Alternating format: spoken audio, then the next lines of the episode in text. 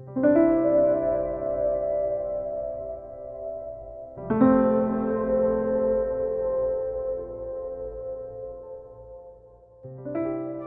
်္ဂလာပါရှင်ကျမကတော့ MCA Network ရဲ့အတန်ဆွမ်းရည်ရှင်အိစုမမရှင်အတန်ဆွမ်းရည်ရှင်အနေနဲ့2022ခုနှစ်ဒီဇင်ဘာလမှာရွေးချယ်ခံခဲ့ရပါတယ်အတန်နဲ့ပတ်သက်တဲ့ပညာရပ်တွေကိုတော့ MCA Network တည်ထောင်သူမန်နွေရဲ့အစီအစဉ်နဲ့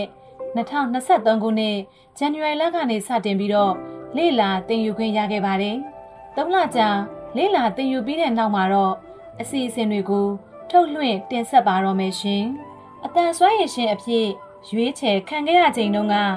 ကျမအကြောင်းကို မိတ်ဆက်အနေနဲ့တင်ဆက်ခဲ့ပူပါတယ်။ဒါကြောင့်မို့လို့အခုတင်ဆက်မဲ့အစီအစဉ်ဟာဆိုလို့ရှိရင်တော့ကျမအတွက် ဒုတိယမြောက်အစီအစဉ်လည်းဖြစ်ပါတယ်။ပထမဆုံးတင်ဆက်ခဲ့တဲ့အစီအစဉ်မှာတော့ကကို့အကြောင်းကိုမိတ်ဆက်ရတာဆိုတော့အစီအစဉ်တင်ဆက်ဖို့ပြင်ဆင်ရတာလွယ်လွယ်ကူကူဖြစ်ခဲ့ပါတယ်။ပညာရက်တွေတင်ယူနေတဲ့သုံးလတာကာလအတွင်းမှာလည်းအစီအစဉ်တွေကိုတင်ဆက်လို့ရနေပြီ။အစီအစဉ်တွေကိုတင်ဆက်ပါလို့မန်နွေးကပြောပေမဲ့ကျမမတင်ဆက်ဖြစ်ခဲ့ပါဘူး။ဘာဖြစ်လို့လဲဆိုတော့ကျမကတန်ဆွမ်းသူတယောက်ဖြစ်တော့ မတန်ဆွမ်းသူတွေမတန်ဆွမ်းအရေးတွေမှာ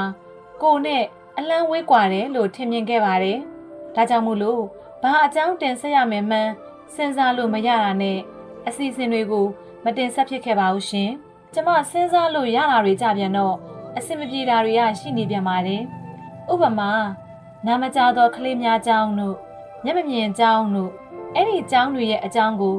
တင်ဆက်ချင်ပေမဲ့လို့ကိုယ်တိုင်သွားပြီးအင်တာဗျူးမှ အဆင်ပြေမယ်ဖြစ်နေတာပေါ့နော်။အခုကကြတော့ကျမတို့ကကိုယ့်အိမ်ထဲကနေနေပြီးတော့ဒီလို podcast တွေကိုတင်ဆက်လို့ရတယ်ဆိုတော့တင်ဆက်ဖို့အတွက်ကျမစဉ်းစားလို့ရတာတွေက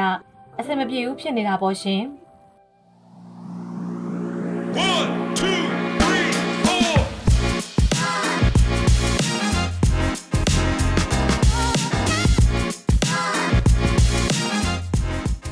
မင်္ဂလာပါခင်ဗျာ ရီမမပေါ့ပပရဲ့အပတ်စဉ်ဗုဒ္ဓဟူးနေ့တိုင်းမှာတင်ဆက်နေကြဖြစ်တဲ့တက်သစ္စာလူငယ်ကဏ္ဍကနေကြိုဆိုလိုက်ပါတယ်ဒီ podcast ကတော့မြမလူမှုနယ်ပယ်ကစိတ်အားတက်ကြွပွဲဇလန်းအစုံကိုအများသူငါကိုမတန်ဆွမ်းမှုအသိပညာမြင့်တင်ပေးဖို့အတွက်လွတ်လပ်တဲ့တွေးခေါ်ဆင်ခြင်နိုင်မှုတွေနဲ့အတူမျှဝေလိုချသူတွေရဲ့အတန်တွေကိုပြုစုပြောထောင်ဖို့တည်ထောင်ထားခြင်းဖြစ်ပါတယ်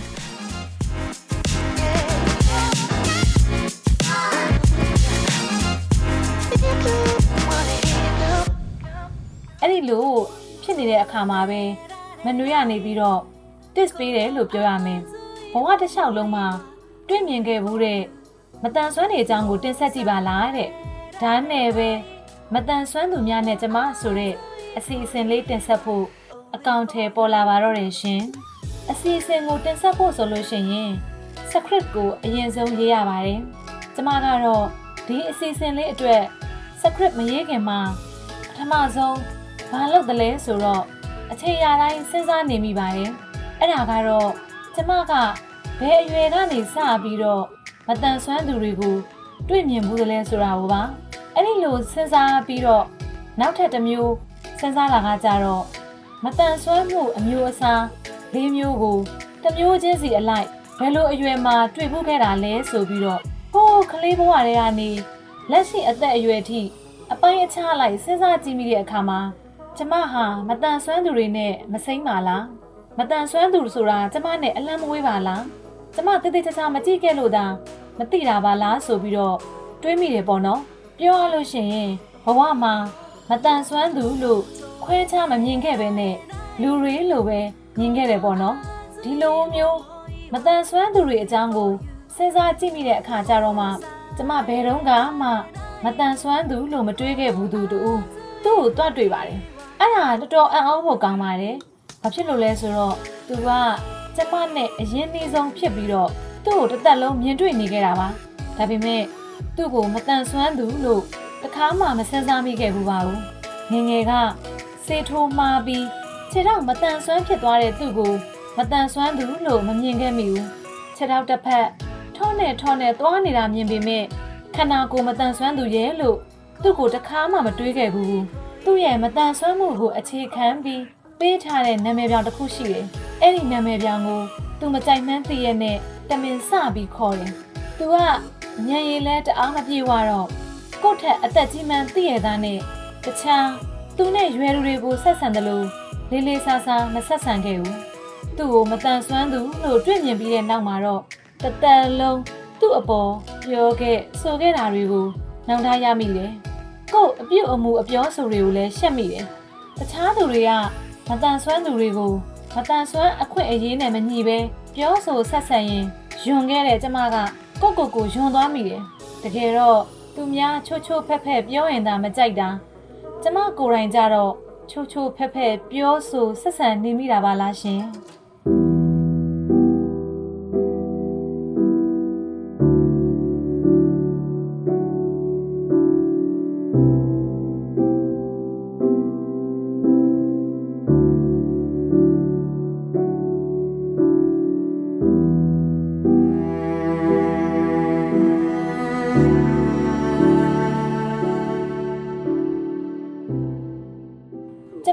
မဘဝမှာပထမဆုံးတွေ့မြင်မှုတဲ့မတန်ဆွမ်းသူတယောက်ကိုပြောပါဆိုလို့ရှိရင်ကျူရှင်ဆရာတယောက်နဲ့ဆွေမျိုးနှိဆက်တော်တဲ့အမျိုးသမီးတယောက်ပါအဲ့ဒီအမျိုးသမီးကညင်ရီမတန်ဆွမ်းသူပါ သူ့ကိုကျမအသက်16နှစ်ဆယ်တန်းကျောင်းသူဘဝမှာ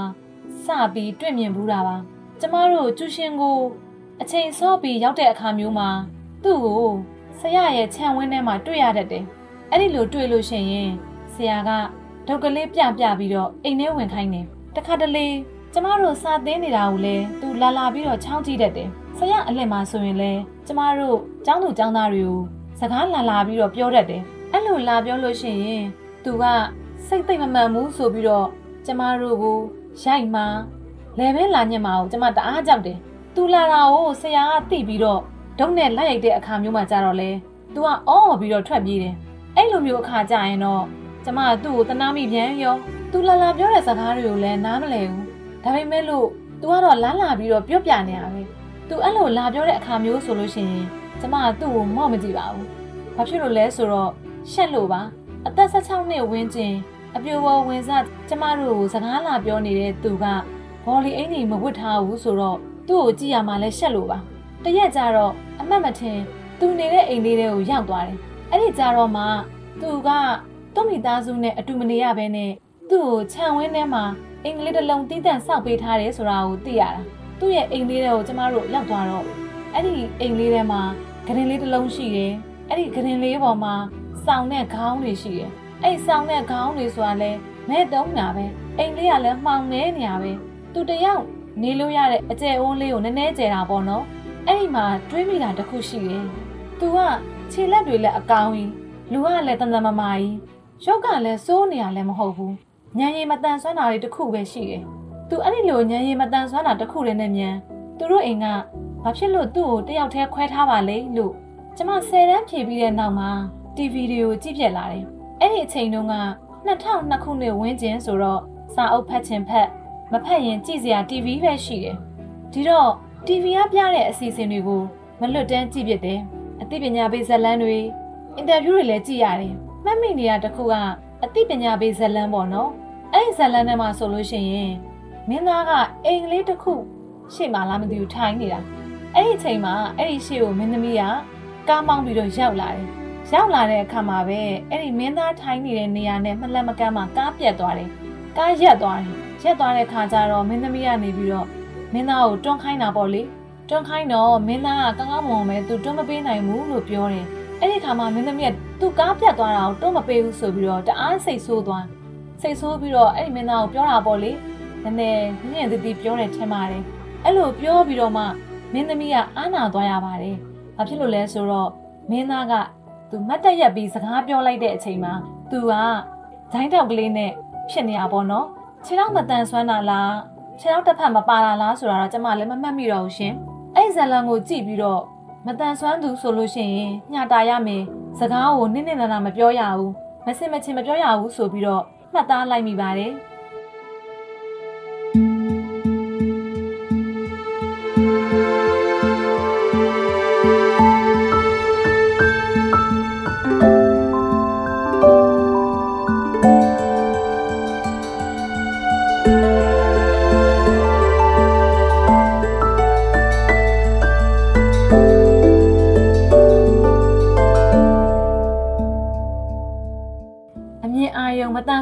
ဖြစ်ဖြစ်အကြမ်းအာယုံမတန်ဆွမ်းသူပဲဖြစ်ဖြစ်ဉာဏ်ရည်မတန်ဆွမ်းသူပဲဖြစ်ဖြစ်ခန္ဓာကိုယ်မတန်ဆွမ်းသူပဲဖြစ်ဖြစ်မတန်ဆွမ်းသူဆိုလို့ရှိရင်အရင်ဘဝကသူများကိုဒီလိုဖြစ်အောင်လုပ်ခဲ့လို့ဒီဘဝမှာသူတို့ပြန်ပြီးခံစားရတာဒီလိုဖြစ်နေတာဆိုပြီးတော့တော်တော်များများကရှုမြင်တတ်ကြပါတယ်အဲ့ဒီအထဲမှာကျမလည်းပါပါတယ်ရှင်အဲ့လိုကြီးမြင်တတ်တဲ့အခါကျတော့မတန်ဆွမ်းသူဆိုလို့ရှိရင်ပတ်သက်ရမှာရှက်တယ်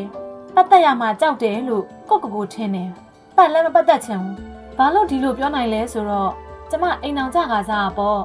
ကျမခင်ပွန်အလုပ်ကိစ္စနဲ့တခြားမြို့တစ်ခုကိုသွားတယ်ဟိုမှာဆိုင်ကအက်ဆီဒန့်ဖြစ်ပြီးတော့သူခြေထောက်မှာဒဏ်ရာရတယ်ဒူးရဲ့အောက်ပိုင်းသားလေးမှာတထွာလောက်ပြဲသွားပြီးတော့အဲ့ပြဲသွားတဲ့အနာကြီးကိုချုပ်လိုက်ရတယ်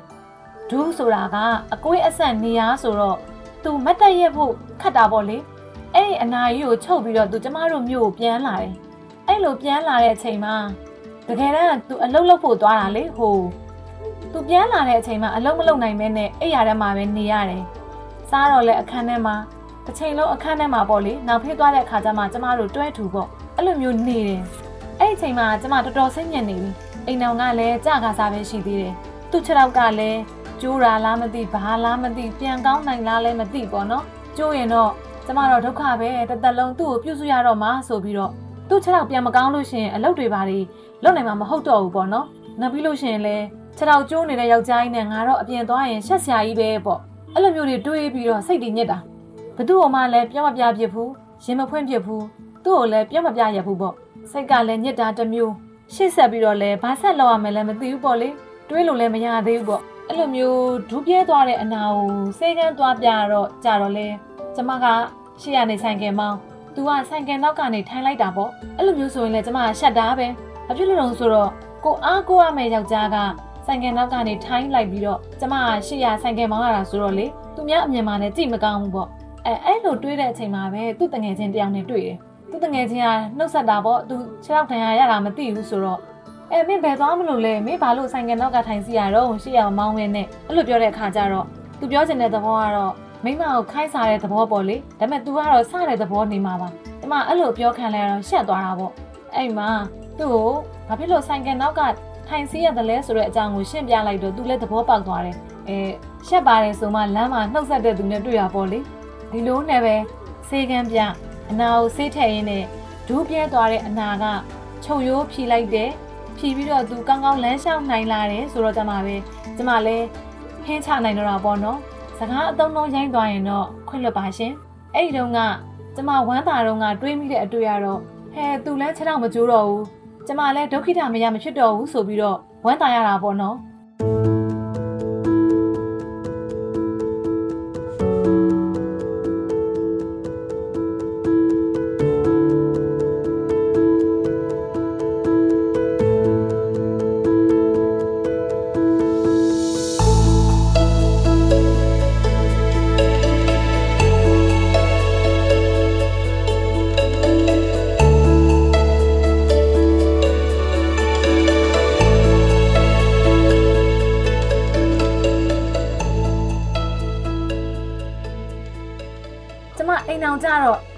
တာသမီမယူခြင်းဘူးတာသမီမမွေးခြင်းဘူးဘာဖြစ်လို့လဲဆိုတော့မတန်ဆွမ်းလေးတွေနှက်ခမ်းကွဲလေးတွေ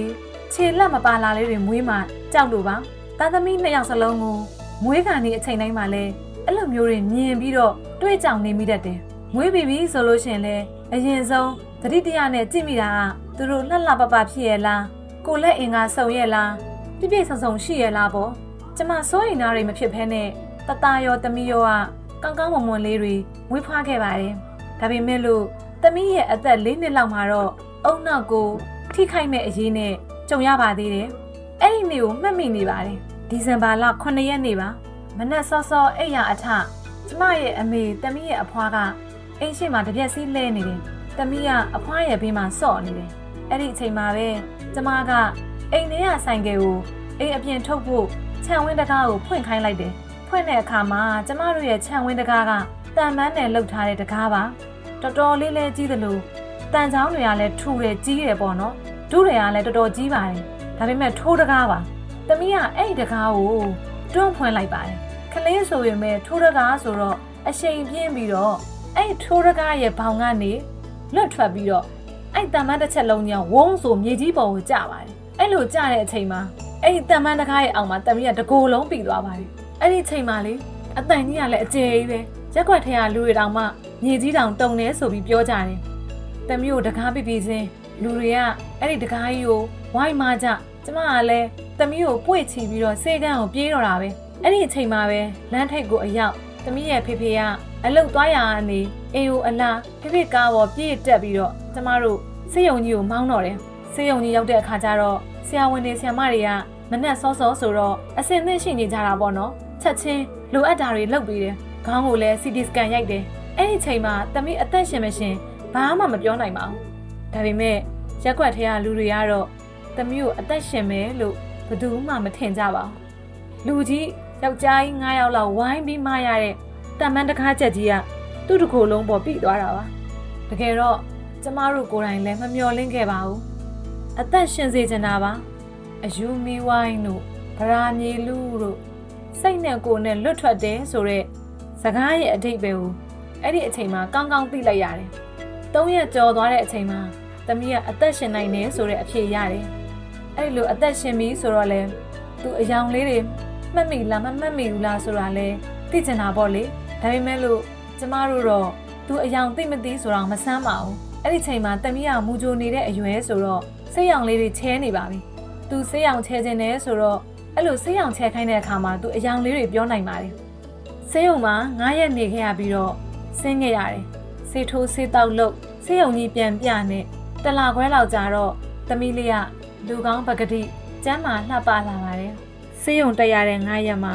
သူအသက်ရှင်မရှင်မသိရသေးတဲ့အချိန်ကျမရောသူ့ဖေဖေရောကယူမတက်ပါပဲ။ဝမ်းနေတာလည်းတအားပဲ။သူတကိုင်းပေးတဲ့အချိန်မှာလည်းကျမသူ့ကိုငုံမကြည့်ရဘူး။သွေးတွေကရဲနေတာ။ ဆေးရုံရောက်တော့လည်းမကြည့်ရဘူး။စိတ်တွေကလည်းခဏမငြိမ်ဘူး။အသိစိတ်ကနေပြီးတော့လွတ်ထွက်နေသလိုကြီးဟာလာဟင်းလင်းကြီးပဲဖြစ်နေတယ်။စိတ်ထဲမှာဘာမှမရှိတော့ဘူး။ဘသူနဲ့မှလည်းစကားပြောချင်တော့ငိုပဲငိုချင်နေတယ်။သူအသက်ရှင်ဖို့တေချာပြီလို့ပြောလိုက်တဲ့အချိန်မှာကျမတို့ပျော်လိုက်တာဆိုတာလေဘာနဲ့မှမလဲနိုင်တော့အသက်လဲရှင်နေလူတွေလည်းအကုန်မှတ်မိတယ်။အယောင်တွေလည်းပြောနိုင်တယ်။အဲ့ဒီအချိန်တုန်းကမတွေးမိပြီမဲ့လို့အခုနောက်ပိုင်းကျမှတွေးမိတာရှိတယ်။ သူ့အဖြစ်ကသိရင်သိမသိရင်တော့အုံနောက်ကိုထိခိုက်နိုင်တယ်။ညံရီကိုထိခိုက်နိုင်တယ်ဆိုပြီးတော့လေအခုဆိုရင်တော့တမီးကတတိယတန်းကျောင်းသူလေးပါတခါတလေစာသင်တာမရလို့ရှိရင်မမှတ်မိလို့ရှိရင်သူ့ခေါင်းကို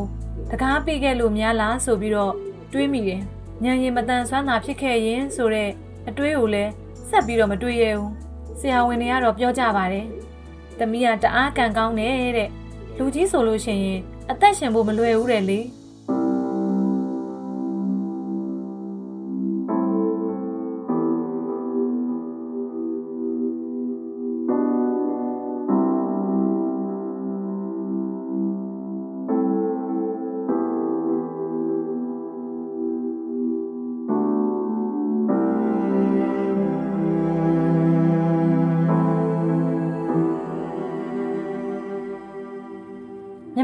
န်မာ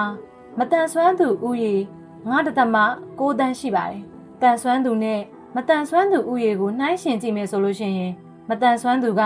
73ရာခိုင်နှုန်းလောက်ရှိတယ်လို့သိရပါတယ်။ဒါကြောင့်ကိုယ့်ဘက်ဝန်းကျင်မှာကြည့်မယ်ဆိုလို့ရှိရင်လည်းမတန်ဆွမ်းသူဆိုတာတွေ့ရခဲ့ပါတယ်။တွေ့နေကြမဟုတ်တော့ခန္ဓာကိုယ်မတန်ဆွမ်းသူတယောက်ကိုတွေ့ရင်ကလေးငယ်တွေကကြောက်တတ်ကြပါတယ်။မတန်ဆွမ်းသူဆိုလို့ရှိရင်ကလေးတွေက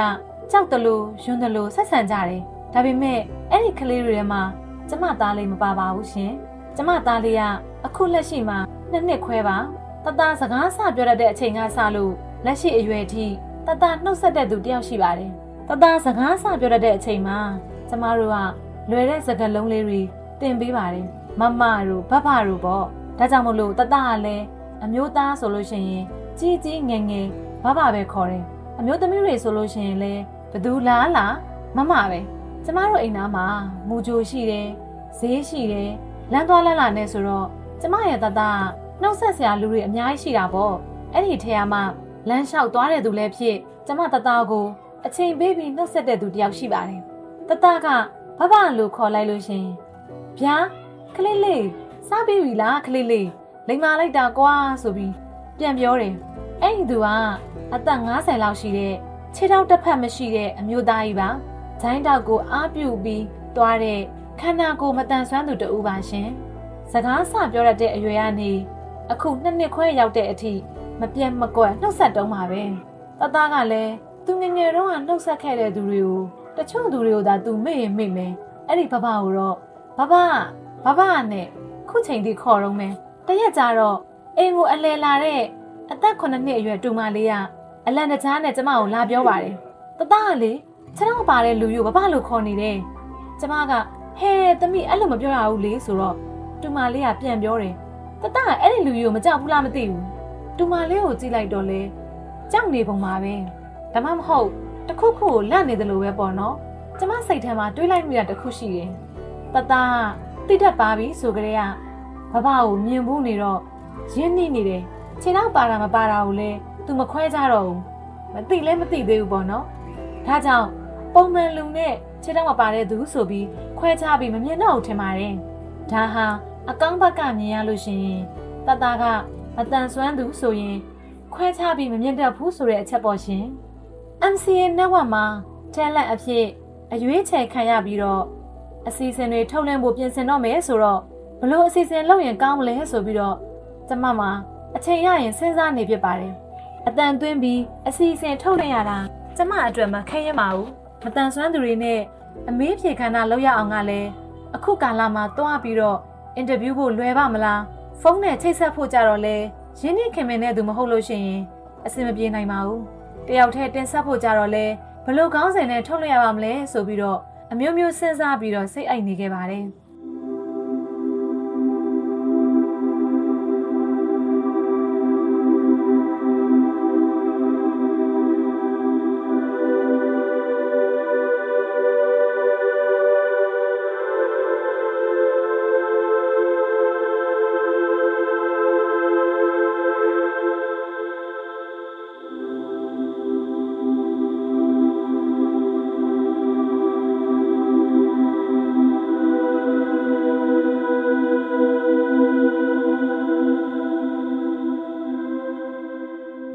နဲ့ဈေးရောင်းပွဲတော်တစ်ခုမှာကျမအလုပ်လုပ်တဲ့ကုမ္ပဏီကလည်းဝင်ရောက်ပြသပါတယ်အဲ့ဒီတော့ကျမလည်းအဲ့ဒီဘက်မှာတနေကုန်ရှိနေခဲ့ပါတယ်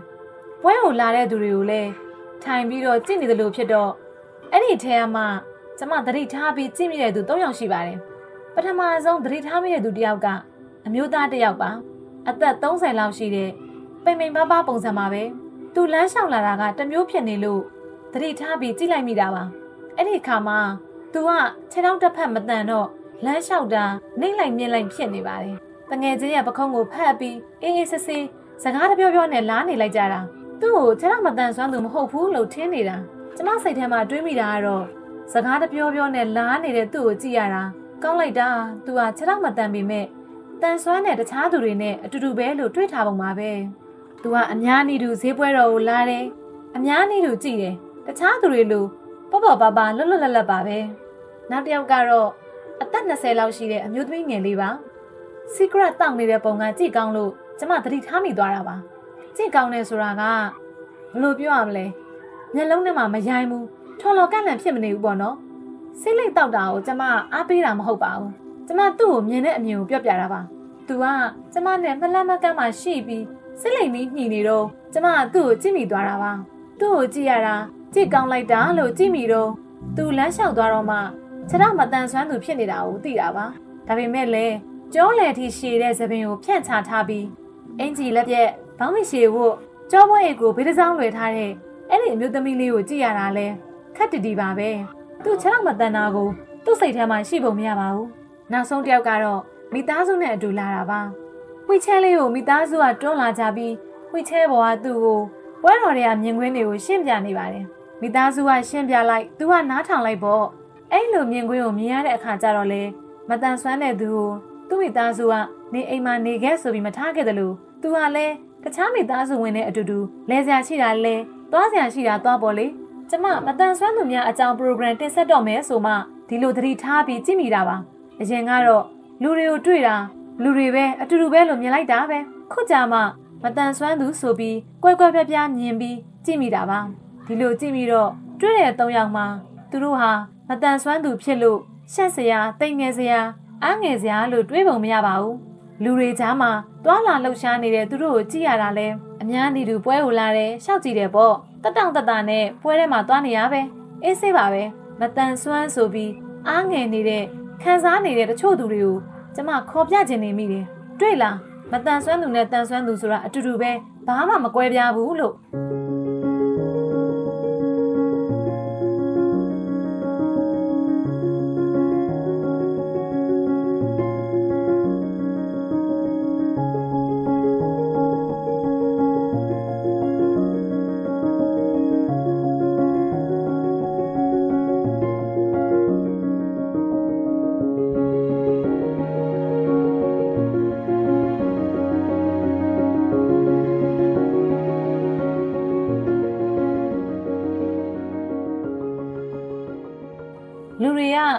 မတန်ဆွမ်းဆိုလို့ရှိရင်ကိုနဲ့အလန်းဝေးတယ်လို့ထင်တတ်ကြတယ်ဘသူမဆိုအချိန်မရွေးမတန်ဆွမ်းဖြစ်သွားနိုင်တယ်တဲ့ဒီစကားကကျမတို့ဆီယမမန်တွေပြောလို့ရှိတဲ့စကားပါကျမတို့ကိုလက်ချာတွေမျှဝေနေတဲ့ကာလမှာမကြာခဏပြောဖို့နေတာပါကျမကိုယ်တိုင်ကြုံတဲ့အခါကြတော့မှအဲ့ဒီစကားကိုကျမနားထဲမှာအချိန်ချင်းခါခါကြားနေမိတော့တာပါပဲ MC Network မှာ voice talent အဖြစ်ရွေးချယ်ခံရတယ်ဆိုတော့ကျမတအားကိုပြောနေမိတာပါဘာဖြစ်လို့လဲဆိုတော့ MCA network က program တွေကိုမတန်ဆွမ်းသူညီကိုမောင်နှမတွေကနားထောင်ကြတယ်ဆိုတော့တက်နိုင်တဲ့လောက်လှုပ်အားဒါနာပြုတဲ့အနေနဲ့ရောကျမဖြစ်ချင်တဲ့ presenter ရောလုပ်ရမယ်ဆိုတော့လေအဲ့လိုပြောတဲ့နေ့မှာပဲ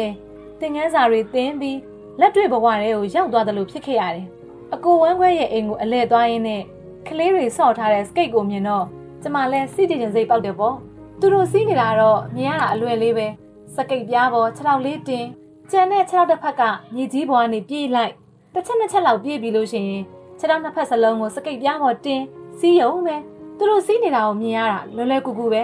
ပေါ့ပေါ့ပါပါပဲဒါနဲ့ကျမလည်းခြေထောက်တစ်ဖက်ကိုစကိတ်ပြားပေါ်တင်းကြည့်လိုက်တယ်တစ်စက္ကန့်တော့မကြားလိုက်ဘူး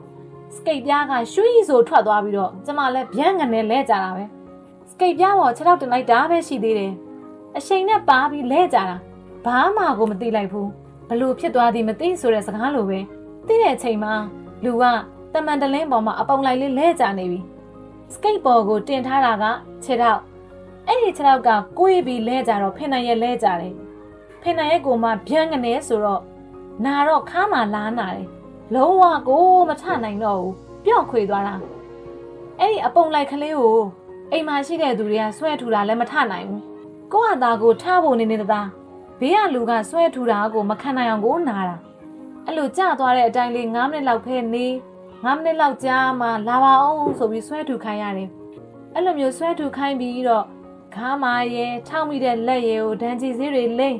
10မိနစ်လောက်ကြာမှအဲ့ဒီအိမ်ကနေပြန်လာနိုင်တယ်ကျမရဲ့အိမ်ကိုလည်းရောက်ရောဆေးကန်းသွားပြတယ်ထိုးဆေးတောက်ဆေးပေးလိုက်တယ်ဆေးကုံလုံးမှမတက်တာလို့ရှိရင်အယူအကျော်ဆေးကန်းကိုပြေးရတော့မယ်တဲ့အိမ်ရောက်ပြီဆိုတော့အိမ်ရထဲမှာပက်လက် ပက်လက်ပဲအိမ်နိုင်တယ်ဘေးတစ်စောင်းလည်းမအိမ်နိုင်ဘူးကိုယ်လည်းမကိုယ်နိုင်ဘူးကိုယ့်ကိုလာထိရင်လည်းမခံနိုင်ဘူးဒါနဲ့တတတို့နဲ့လည်းအိမ်ရခွဲအိမ်ရတယ်တတတို့ကအသားလေးထိတယ်ဆိုရုံပဲထိတယ်ဆိုရုံထိတယ်နာတာပဲထိုင်လည်းမထိုင်နိုင်အိမ်ရတော့လည်းပက်လက်ဆိုတော့ဘာမှမလုပ်နိုင်တဲ့အချိန်မှာတွေးနေမိတော့တာပဲအမ်မန်တွေးပြောတဲ့စကားကဓာတ်ထိလာမှန်နေပါရောလားစေးကုံလုံးမှမတက်တာရင်ငါတော့အိယာကြီးရဲ့နေရတော့မယ်ထင်ပါရဲ့ဆိုပြီးစိတ်တွေလည်းစိတ်ရဲ့ပေါ်လေး တင်ပါရဲ့အထက်ခစရိုးနာလေးကနာတာဆိုတော့အိမ်ကလည်းဓာတ်မှန်တော့ရိုက်ကြည့်ရမယ်ဒီတသက်အိယာတွေကထနိုင်မှာမလားလို့ထင်းနေကြတာပါပဲအဲ့လိုအိယာနဲ့လဲနေတဲ့၃လေးရက်အတွင်းမှာလည်းအများကြီးတွေးနေမိတာဆရာဝန်ပေးလိုက်တဲ့တောက်ဆေးကုံတဲ့အခါမှာတော့ကျမအရင်လိုပြန်ဖြစ်လာတယ်ကန်လေးကလည်းကောင်းလာတော့ကြမ်းကြမ်းမာမာတန်တန်ဆွမ်းဆွမ်းဖြစ်လာတယ်ပေါ့နော်အဲ့ဒီခါကျမှတော်ပါသေးရဲ့ဆိုပြီးဟင်းချနိုင်တယ်ကျမကတော့ပိန်လို့ငါဒီလိုနာတာလို့ထင်တာ ဒါပေမဲ့ဆေးကန်းဆရာဝန်ကတော့ပိန်လို့တော်သေးတာတဲ့ဝါလို့ဆိုလို့ရှိရင်မသက်သာဘူးပေါ့နော်အယိုးတွေဘာတွေကျိုးနိုင်တယ်တဲ့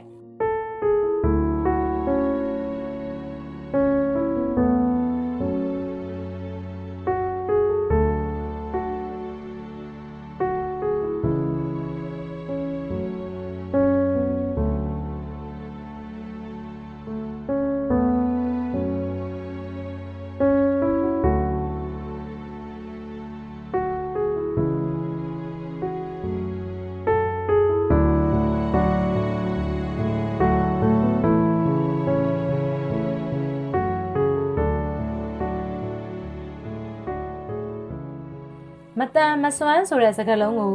အခုချိန်ထိတချို့သောသူတွေကနှုတ်ကြိုးနေကြတယ်။အဲ့လိုခေါ်ခံရတာကိုမတန်စွမ်းသူညီကိုမောင်နှမတွေကလုံးဝမကြိုက်ပါဘူး။မတန်ပေမဲ့စွမ်းပါတယ်မတန်စွမ်းမှာမတန်လဲမတန်မစွမ်းလဲမစွမ်းဆောင်နိုင်တဲ့သူတွေမဟုတ်ပါဘူး။ခန္ဓာကိုယ်ကမတန်ပေမဲ့စိတ်ရောလုံနိုင်ကြိုင်နိုင်တာရောဟာစွမ်းကြပါတယ်။အဲ့လိုအပြောမျိုးကိုကျမရေဒီယိုမှာအလုပ်ဝင်တဲ့အချိန်တုန်းကမှတ်သားခဲ့ပူပါတယ်။မတန်စွမ်းသူကို မတန်ဆွမ်းသူလိုပဲခေါ်ဝေါ်သုံးဆွဲဖို့သတိထားခဲ့ပါတယ်။ဒါပေမဲ့စဉ်းစားလောက်ကင်တဲ့အခါမှာတော့သူတို့တွေးတာတွေကအပိုတွေတိတ်လောက်တာပဲလို့မြင်လာပါတယ်။ဥပမာဖျားတွေမှာမတန်ဆွမ်းသူတွေအလွယ်တကူသွားလာနိုင်အောင်လို့ဝီချဲလေးတွေသွားလို့ရတဲ့လမ်းလေးတွေကိုလုပ်ပေးထားတယ်။အဲ့ဒီလမ်းလေးတွေမရှိလဲမတန်ဆွမ်းသူတွေရဲ့ဝီချဲကိုမပေးလိုက်လေပြီးတာပဲပေါ့။တက်တက်အပိုကောင်အောင်လုပ်နေတယ်လို့ကျမကမြင်တယ်။နောက်ပြီးတော့ရွေးကောက်ပွဲမှာ သူတို့အလွယ်တကူမဲပေးနိုင်အောင်စီစဉ်ပေးဖို့မတန်ဆွမ်းအရေးလှုပ်ရှားဆောင်ရွက်သူတွေကပြောကြတဲ့အခါကျမအမြင်ကသူတို့မဲပေးလို့ရောဘာထုတော်မှကြလို့မဲမပေးရတာမြန်တက်တက်အတန်းရှင်းရှာတယ်လို့မြင်မြန်ရောတကယ်တော့ကျမအတွေ့တွေကမှားနေခဲ့တာပါသူတို့ကမတန်ဆွမ်းသူတွေလေမတန်ဆွမ်းသူတွေဆိုတာလဲလူပဲတန်ဆွမ်းသူကလည်းလူပဲလူချင်းတူရင်ရတဲ့အခွင့်အရေးကလည်းတူရမှာပေါ့တန်ဆွမ်းသူကဖျားဖူးနိုင်ရင်မတန်ဆွမ်းသူလည်းဖူးခွင့်ရှိတာပဲ တန်ဆွမ်းသူတွေမဲပေးခွင့်ရအောင်လုပ်နေကြချိန်မှာမတန်ဆွမ်းသူတွေလည်းမဲပေးခွင့်ရှိရမှာပေါ့မတန်ဆွမ်းသူတွေကတန်ဆွမ်းသူထက်အခွင့်အရေးတွေပိုတောင်းနေတာမဟုတ်ပါဘူးတန်ဆွမ်းသူတွေနီးတူသူတို့ရဲ့ရပိုင်ခွင့်ကိုတောင်းတာပါတန်ဆွမ်းသူနဲ့မတန်ဆွမ်းသူဆိုတာလူချင်းအတူတူပါပဲလူချင်းတူမှတော့ရပိုင်ခွင့်လည်းတူရမှာပေါ့ရှင်မတန်ဆွမ်းသူတွေရဲ့ဘဝကိုစာနာနားလည်ပြီးတဲ့နောက်မှာကျမရဲ့အတွေ့ကျမရဲ့အမြင် အားလုံးကပြောင်းလဲသွားပါတယ်။ရှက်လဲရှက်မိပါတယ်။ဘလောက်ဖဲစာနာပါတယ်ပျော်ပျော်တကယ်လက်တွေ့မှာတော့ကျမဟာမတန်ဆွမ်းသူတွေကိုငဲ့ညာရာကောင်းမှန်းစာနာရာကောင်းမှန်းချီးကျူးရာကောင်းမှန်းမသိခဲ့ပါဘူး။အဲ့လိုမသိခဲ့တဲ့အတွက်အခုလိုသိလာတဲ့အချိန်မှာကျမကိုကျမယွံမိပါတယ်ရှက်မိပါတယ်။မတန်ဆွမ်းသူတွေနဲ့မတန်ဆွမ်းသူတွေရဲ့ဘဝကိုစာနာနားလည်ပေးတဲ့သူတွေကမြန်မတန်ဆွမ်းသူတွေပေါ်ထားတဲ့ ကျမရဲ့သဘောထားကိုသိရင်ကျမကိုခွင့်လွှတ်နိုင်ကြပါမလားလို့တောင်ထင်မိပါတယ်။ဒါကြောင့်မတန်ဆွမ်းသူဖြစ်တာနဲ့နှိမ်စရာချိုးဖဲ့စရာတနာစရာမဟုတ်ကြပါဘူး။သူတို့မတန်ဆွမ်းတာနဲ့ပတ်သက်ပြီးအကူအညီလိုအပ်တဲ့အခါကူညီပေးကြဖို့သူတို့ကိုကိုကိုယ်တိုင်နဲ့ရှင်းပြီးစာနာနားလည်ပေးဖို့ podcast နားဆင်ကြသူအားလုံးကိုကျမကပြောချင်ပါတယ်ရှင်။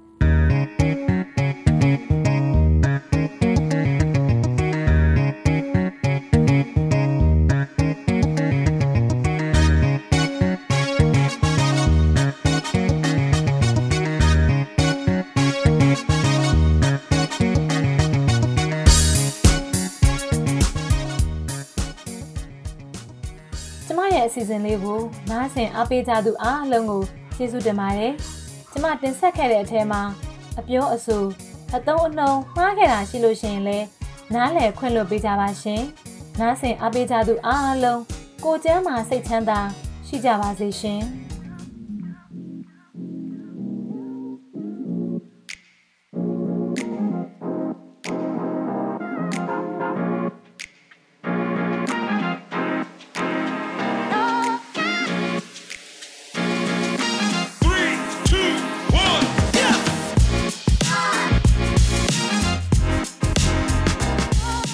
ကျွန်တော်တို့ရဲ့ရီရီမမောပေါ့ပပ podcast အစီအစဉ်မှာအလုတ်တင်အဖြစ်ဖန်တီးမှုမျိုးစုံကိုလက်စွမ်းပြလှုပ်ဆောင်ဖို့စိတ်ပါဝင်စားသူများအနေနဲ့ Google Form ကနေပြီးတော့မှမိမိတို့ရဲ့မှတ်ပုံတင်ရှေ့နောက်နဲ့အလှဓာတ်ပုံတစ်ပုံအပြင်နမူနာလက်ရာတစ်ခုနဲ့အများဆုံးရှောက်ထားကြဖို့ဖိတ်ခေါ်လိုက်ပါတယ်။နောက်တစ်ပတ်ဗုဒ္ဓဟူးနေ့မှာပြန်ဆောင်ကြရအောင်နော်။